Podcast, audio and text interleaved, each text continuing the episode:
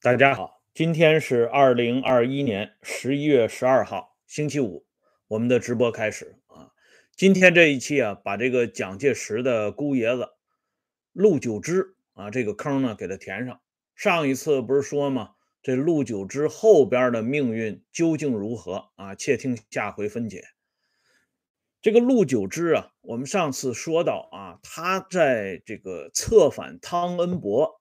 啊，以及后边呢，策反国民政府驻日本代表团这两件大事上边立了极大的功劳啊，尤其在这个策反日本代表团这件事情上，当时陆九之啊，跟这个汤恩伯到了什么程度呢？两个人已经到了无话不谈的程度。陆九之甚至啊，鼓励汤恩伯去做这个副作义第二，而且汤恩伯听了以后呢。啊，居然呢，也没有把这个陆九之怎么样，啊，甚至呢还可能啊活动活动心眼儿，这都是后人啊进行的回忆和补充。究竟汤恩伯当时到底怎么想的啊？我们不知道。可是我们知道啊，汤恩伯后来啊离开大陆之后啊，严重失宠啊，蒋介石甚至啊。呃，说过汤恩伯这样的话，就是说在关键时刻啊，汤恩伯疏失我望啊，就是让我太失望了。所以汤恩伯后来的军权呢被全部解除啊。不过呢，有一点可以证实，就是陆九之是平平安安从这个汤恩伯司令部离开的。上次节目我也说到，这陆九之在策反国民政府驻。日本代表团这件事情上，受到了吴克坚的表扬啊。吴克坚是代表周恩来对陆九之提出啊重要的表扬，而且当时不仅仅是这个吴克坚这些老牌的啊地下工作的领导人，像陈修良啊，大家都知道这陈修良啊啊，我以前在节目里专门讲过，她和她的丈夫沙文汉原。浙江省省长啊，沙文汉兄弟几个人呢？哎，这陈修良当时是南京地下市委书记啊。陈修良专门讲过一句话，他说：“陆九之是一个为党立过许多特殊功勋的好同志。”因为这个陆九之还不是党员啊，因为当时周恩来指示啊，陆九之这样的人不急着入党。他在党外发挥的作用要比在党内发挥的更大一些，而且吴克坚当着陆九之的面说过这样的话啊，党和人民不会忘记你的，他立的功太多了。这样呢，到了一九五四年的时候，党和人民呢，终于把陆九之给想起来了，因为在这一年，包括第二年一九五五年。上海发生了一件非常大的事情啊！这件大事是什么呢？就是一九五五年四月四号，罗瑞卿奉毛泽东之命，直接带领公安部啊骨干力量到北京饭店秘密抓捕参加全国党的代表会议的。上海市副市长、上海市委第三书记潘汉年，当时抓这个潘汉年的时候，其实没有逮捕令，就是告诉潘汉年啊下楼啊有重要的事情啊跟我们走一趟。潘汉年连衣服都没有换啊，穿着拖鞋去的。第二天就是一九五五年四月五号，罗瑞卿。才签署啊逮捕令，就是说当时这个抓捕潘汉年这件事情上，从严格的程序来说是不符合这个啊抓捕这个程序的，但是这是特事特办，来自于最高层的命令。把潘汉年抓起来之后啊，这就是上海当时最有名的潘杨大案，潘汉年杨帆。啊，上海市公安局局长杨帆也随后落网。罗瑞卿啊，找到当时的江苏省公安厅厅长黄赤波进行秘密谈话。啊，罗瑞卿对黄赤波讲：“啊，你现在呢就要去到这个上海啊，这是一九五三年啊。这个罗瑞卿找黄赤波谈的话啊。那么 潘阳事件发生之后，罗瑞卿再一次找这个原任江苏省公安厅厅长、现任上海市公安局局长的黄赤波谈话，就是说啊。”告诉黄赤波，你还记不记得我当初在你上任前夕，在你担任上海市公安局局长前夕，我对你的这番嘱咐？黄赤波当然记得了，因为一九五三年啊四月份的时候，罗瑞卿到南京视察工作，直接找黄赤波进行秘密谈话。啊，当时罗瑞卿对黄赤波说。你要放开手脚，大胆干，不要受条条框框的限制，不要怕搞扩大化，搞过头了也没有事情。罗瑞卿甚至用了一句俗话：“开刀哪能不带点鲜肉呢？”啊，这话说的很厉害啊，就是说这一刀下来，连骨头带肉可能都有了。因此啊，黄赤波就是在罗瑞卿的这种啊谆谆教诲之下，到上海走马上任的。而这个时候啊，潘阳大案发生之后，黄赤波当然更加啊理解罗瑞卿对他的嘱咐有多么重要的现实意义。因此啊，因此这个上海市公安局局长黄赤波。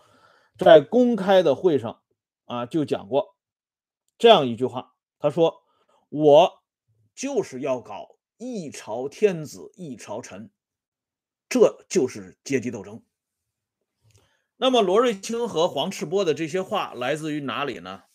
来自于二零一五年第九期的《炎黄春秋》上边有一篇重要的回忆文章，这篇文章的作者呢？是安徽省公安厅常务副厅长尹曙生先生，他呢做了一个专门的回忆。这个回忆呢，就让我们看到当时因为潘汉年这个案子啊，上层是多么的关注。那么这个案子跟我们要讲的主人公蒋介石的这姑爷子陆九之有什么关系呢？太有关系了，因为在办潘汉年这个案子的时候。党和人民把陆九之给想起来了。说实话啊，这个陆九之脑袋上这顶蒋介石的姑爷这顶帽子，其实国民党方面还没有叫开啊。就是说，当时啊，汤恩伯的亲信，他的秘书长啊，以及这秘书长的老婆，把这个闺蜜陈瑶光介绍给陆九之的时候，谁也没有。啊，打算给这个陆九之戴上蒋介石的准姑爷的帽子，而且那个时候呢，党和人民对这件事情呢也不是特别重视，啊，因为他们更多的是看重陆九之与汤恩伯的这种曲折的关系。然而到了风平浪静之际，啊，本来的这个陆九之应该这个正常生活工作的时候。党和人民呢，却把蒋介石的姑爷这顶帽子扣到了陆九之的脑袋上。因为抓这个潘汉年的时候，啊，有一位重量级的人物当时发话了，啊，说我记得还有一个蒋介石的女婿，啊，他跟潘汉年之间的关系不清不楚，要调查一番。于是呢，罗瑞卿直接出马，布置上海方面对陆九之。进行秘密抓捕，这个抓捕陆九之啊，还是很费了一些功夫。因为陆九之这个人呢，一贯是神出鬼没啊。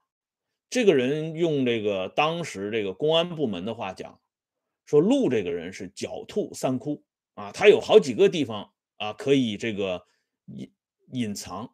那个年代不像今天啊，有好多这种啊现代化技术手段啊，可以对一个人进行严密的监控，包括啊他的思想活动啊等等。那个时候不一样，那个时候完全靠人盯人。但是人盯人呢，他就有一个问题，万一疏忽了啊，万一这个走眼了。这个人可能就从你眼前消失了，特别是这陆九芝，当年在上海滩是一个呼风唤雨式的人物，连日本人都买他的账啊！一般人进这个上海这个日本宪兵队，那很少能够有活着出来的。但是陆九之如履平地啊，进去了还能出来，而且是这个完完整整的出来，不缺胳膊短腿的，哎。因此呢，这个当时在抓捕陆九之这件事情上，上海市公安局局长黄赤波啊，不负这个罗瑞卿的嘱咐，很动了一番脑筋。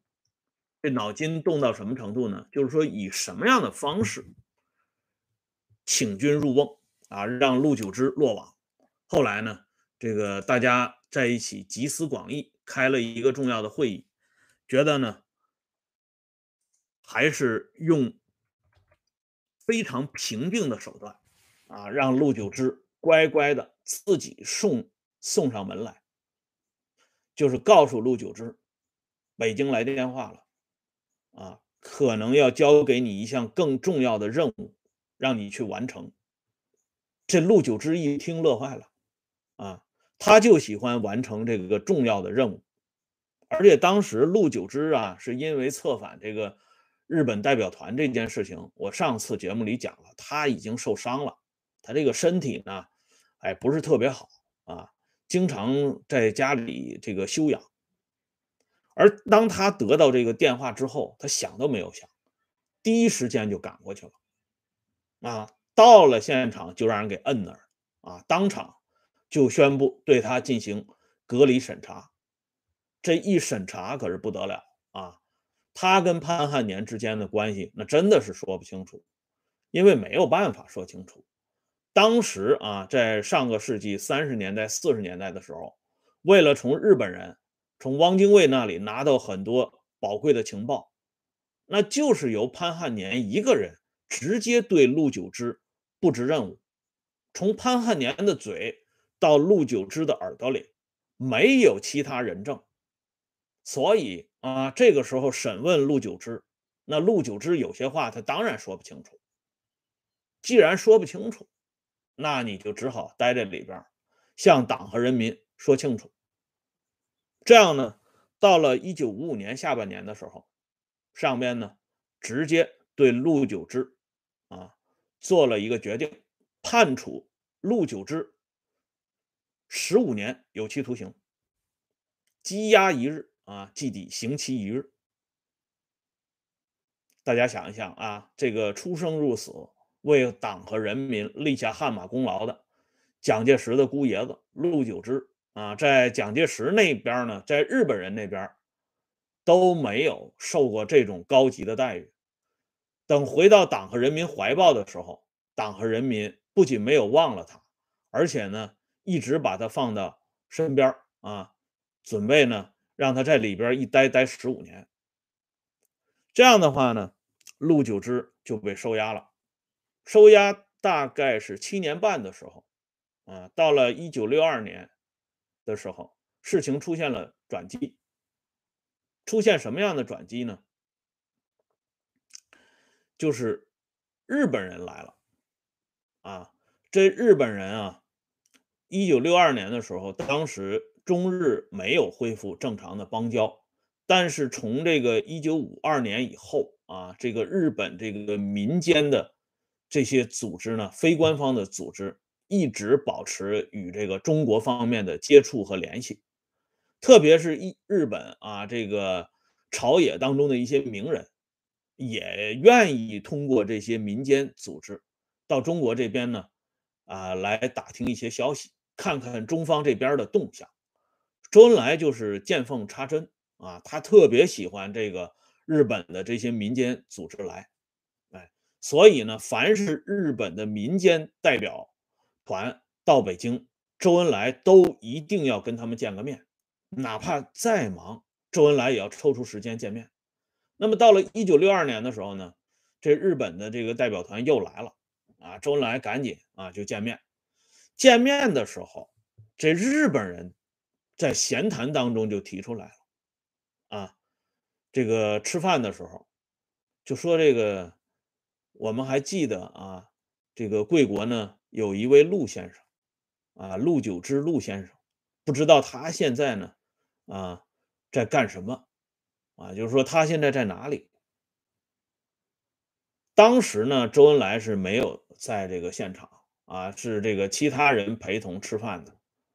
但是这件事情呢，马上被反映到了周恩来那里。周恩来听到这个消息之后，立刻。啊，打电话向上海方面了解，说这陆九芝现在，呃，是怎么样，怎么个情况？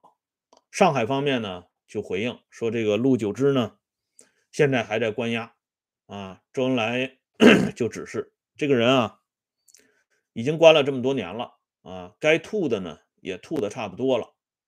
现在呢，这个有一些情况特殊啊，不行呢，先让他到外边住一段时间。这样的话呢，陆九之才被放出来。而且这个一九六二年，当时有一个特殊的大背景，就是一九六二年年初开的这个七千人大会。当时这个政治空气呢，由于三年经济困难，所以呢被迫啊宽松了一下。陆九之也是借这股东风，才从里边呢爬了出来。哎，而且当时啊，上边也考虑。啊，这个陆九之呢，在外边也别闲着，他呢要把一些这个当初他跟日本人的一些交往写清楚，有一些老关系能不能重新捡起来利用一下，啊，增进这个中日双方的这个交流，啊，这个陆九之呢在家里就负责写这个材料，时间大概过了四年左右。啊，终于到了一九六六年了，啊，这个死老虎啊，这陆九之啊，本来一开始大家没有注意到他，啊，可是呢，中央专案审查委员会成立之后，啊，负责专案工作的这个康生，啊，给上级领导这个打了个招呼，他说：“我听啊，上海回来的这些外调人员讲，上海的造反派呢。”这个正在追查蒋介石的女婿陆九芝，啊，他们在盘问这个人的一些情况。那么这个人现在呢，放在外边是不是合适？啊，康生这个招呼打完之后呢，上层马上就有了新的这个指示，把陆九之重新收监，啊，把他重新抓回来。这样呢，陆九之第二次又被抓了起来，啊，这一关就关到了这个第一次无产阶级大革命结束之后，啊，这才重新重见天日，啊，就是说这个人呢，在五十年代和六十年代、七十年代两次被关押，这个时间非常长，哎，但是呢，陆九之应该讲运气不算坏。啊，说到这里，有些朋友可能会啊吭叽，说这个怎么个意思呢？陆九之让人给弄进去两次，这运气还不算坏，确实不算坏。因为刚才我提到了呃几个人啊，罗瑞卿、黄赤波啊这俩人，这罗瑞卿的下场大家都知道了啊，这不用说了。那黄赤波呢？黄赤波这个人。就是当时啊，主抓这个陆九之这个案子的上海市公安局局长黄赤波，他后来的结局是什么样的？一九七八年啊，在北京呢，当时开了一个小规模的座谈会。一九七八年一月三号，当时刚刚过完元旦，北京、上海、天津、浙江、江苏、安徽、两湖、辽宁啊这些。公安厅的厅长，公安局的局长，二十五个，啊，都是当时公安战线非常出色的头面人物。这二十五个老头子在一起呢，开了一个座谈会。这个座谈会的目的啊，不是别的，就是控诉啊，控诉这个他们在十年动乱期间是如何被这个迫害的。其中这个黄赤波啊，发言最为激动。黄赤波就讲，他说呀，江青每次到上海啊，我都陪着他。啊，买衣服，买吃的，啊，我从头忙到脚，一刻都不闲着。啊，江青有什么要求，我都马上安排好。啊，他身体不好，我就给他找最好的医生看病。啊，他呢，啊，想活动活动，我就给他挑他最满意的舞伴，啊，来陪他跳舞，派专人照顾他的生活。挑这个上海市公安局最能干的人，保卫他的安全。江青到上海啊，就是说黄赤波和江青两个人接触十五次，面对面的接触十五次，这在全国公安系统里边那是拔头份的，没有人能够这么近距离的多次啊接触这个文化旗手的。黄赤波是首屈一指的。哎，可是呢，黄赤波说了，到了一九六八年啊上半年的时候，江青一句话把他给抓起来了。啊，江青确实说过这样的话。江青说黄赤波窃听伟大领袖，啊，这样的人不抓，抓谁呢？这个任务呢，就交给当时的空军司令员吴法宪来完成。在抓黄赤波这件事情上，历史呢有所重演。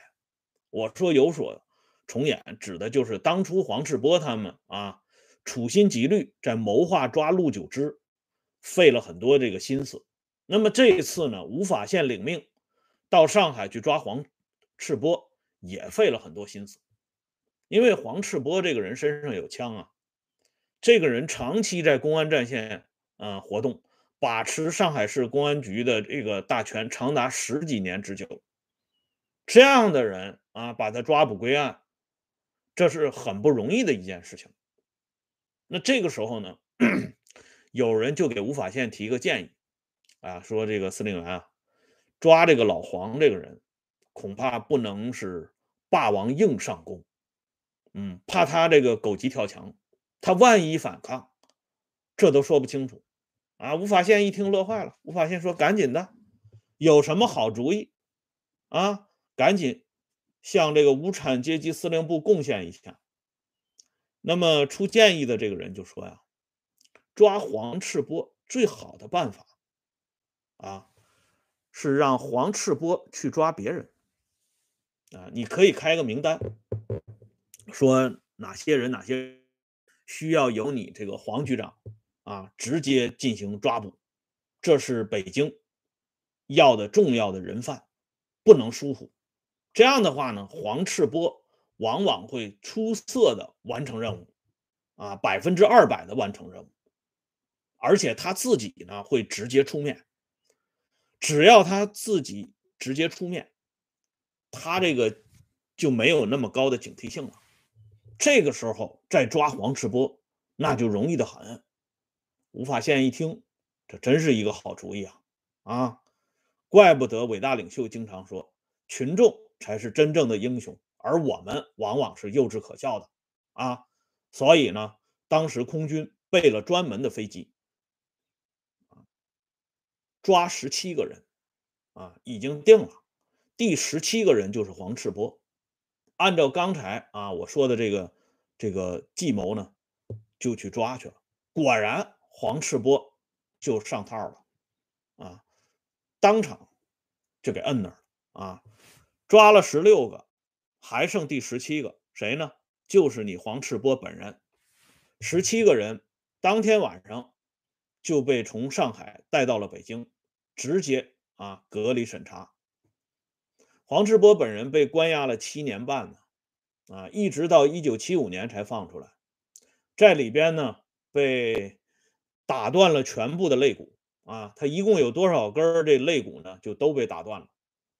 这个人出来不久以后啊，这个被安排回上海担任上海市政协副主席，但是时间不长啊，在这个一九七八年上半年啊就嗝屁了，所以这个上海市人民政府呢追认啊追认黄赤波为革命烈士，就是说他人虽然放出来了，但是由于在里边呢被打的太厉害了。所以这个人出来以后呢，活的时间没有超过三个整年，啊，人就没了，因此追认他为革命烈士。哎，换句话说呢，一九七八年一月三号这天晚上，二十五名公安厅局长会议上边，黄赤波吐槽，不久之后他自己也就没了，啊，这是这个我为什么说陆九之。比这黄赤波要幸运的地方，因为陆九之呢，在七十年代后期被放出来之后，不仅活蹦乱跳的，而且还受到了咱们邓大姐的这个接见，啊，到了晚年，陆九之都怀念周恩来啊。他怎么怀念周恩来呢？他说，如果不是总理啊过问他的事情，他一九六二年不会被放出来。至于是谁让这个总理过问陆九之的事情，这刚才我们已经介绍了。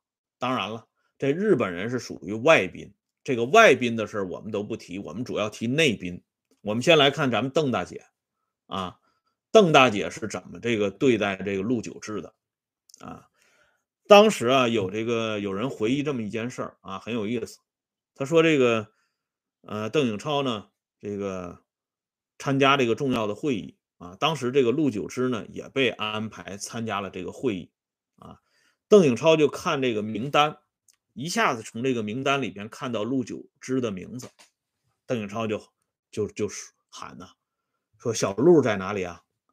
小陆同志在哪里啊？就说陆九之在哪里？这赶紧啊，身边工作人员赶紧给安排啊，把陆九之叫上，说大姐要见你啊。然后呢，邓颖超。颤颤巍巍的握住陆九之的双手，哎呀，小陆啊，我们好多年不见了，好多年呢，啊，然后呢，啊，这个让陆九之坐下，语重心长的告诉陆九之，啊，这个恩来啊，一直到最后都惦记你的下落，啊，他告诉我，啊，将来一定。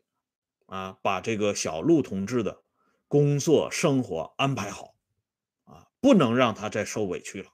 哎呀，这邓大姐的这番话让陆九之啊双泪长流啊，啊，这感动到什么程度呢？这陆九芝的这个传记作者呀写过这么一段事情，这是公开刊登在《人物》一九八五年第六期上边的啊，就是一九。八三年九月份，啊，当时陆九芝的老婆陈瑶光，啊，过六十岁的生日。这陈瑶光呢，是在呃七十年代，啊，就是陈洁如去世的时候，他到香港啊去这个奔丧，所以就留到香港了。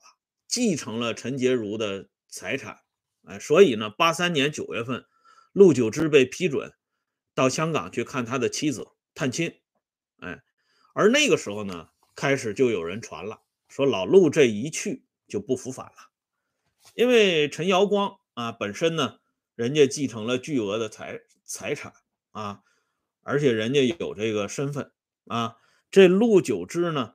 到了香港，一九八三年那个时候，大家知道大大陆的经济呢还没像现在这么发达啊，世界第二，其实是第一啊，嗯，那么大家就想，这陆九芝肯定是留在那个花花世界，不愿意回来了。可是陆九芝呢，给这个老婆过完生日之后呢，很快就回来了。哎，大家就觉得很奇怪，说老陆你怎么不在那边就多待一段时间？怎么这么快就回来了？陆九之啊说了这么一句话，他说我二十岁开始追随周恩来，为革命奔波了半个多世纪，现在你们让我背叛我自己的理想，背叛啊总理，背叛大姐，背叛革命。那是绝对不可能的事情。其实啊，他老婆陈瑶光还真留他啊，就说你干脆在这儿别回去了，陪我咱们两个人共度这个晚年。但是陆九之心里啊装着咱们的恩来同志，装着咱们的这个邓大姐，硬是回来了啊。陆九之晚年还写了两句诗啊：“老骥雄心今尚在，愿将余热化光芒。”啊，就是这一腔热忱呢，继续泼洒向党和人民。所以咱们说这个周恩来、邓颖超这两口子确实很厉害啊。这个七十呃，我这个第一次啊，无产阶级大革命的时期是谁把陆九芝又重新抓起来的？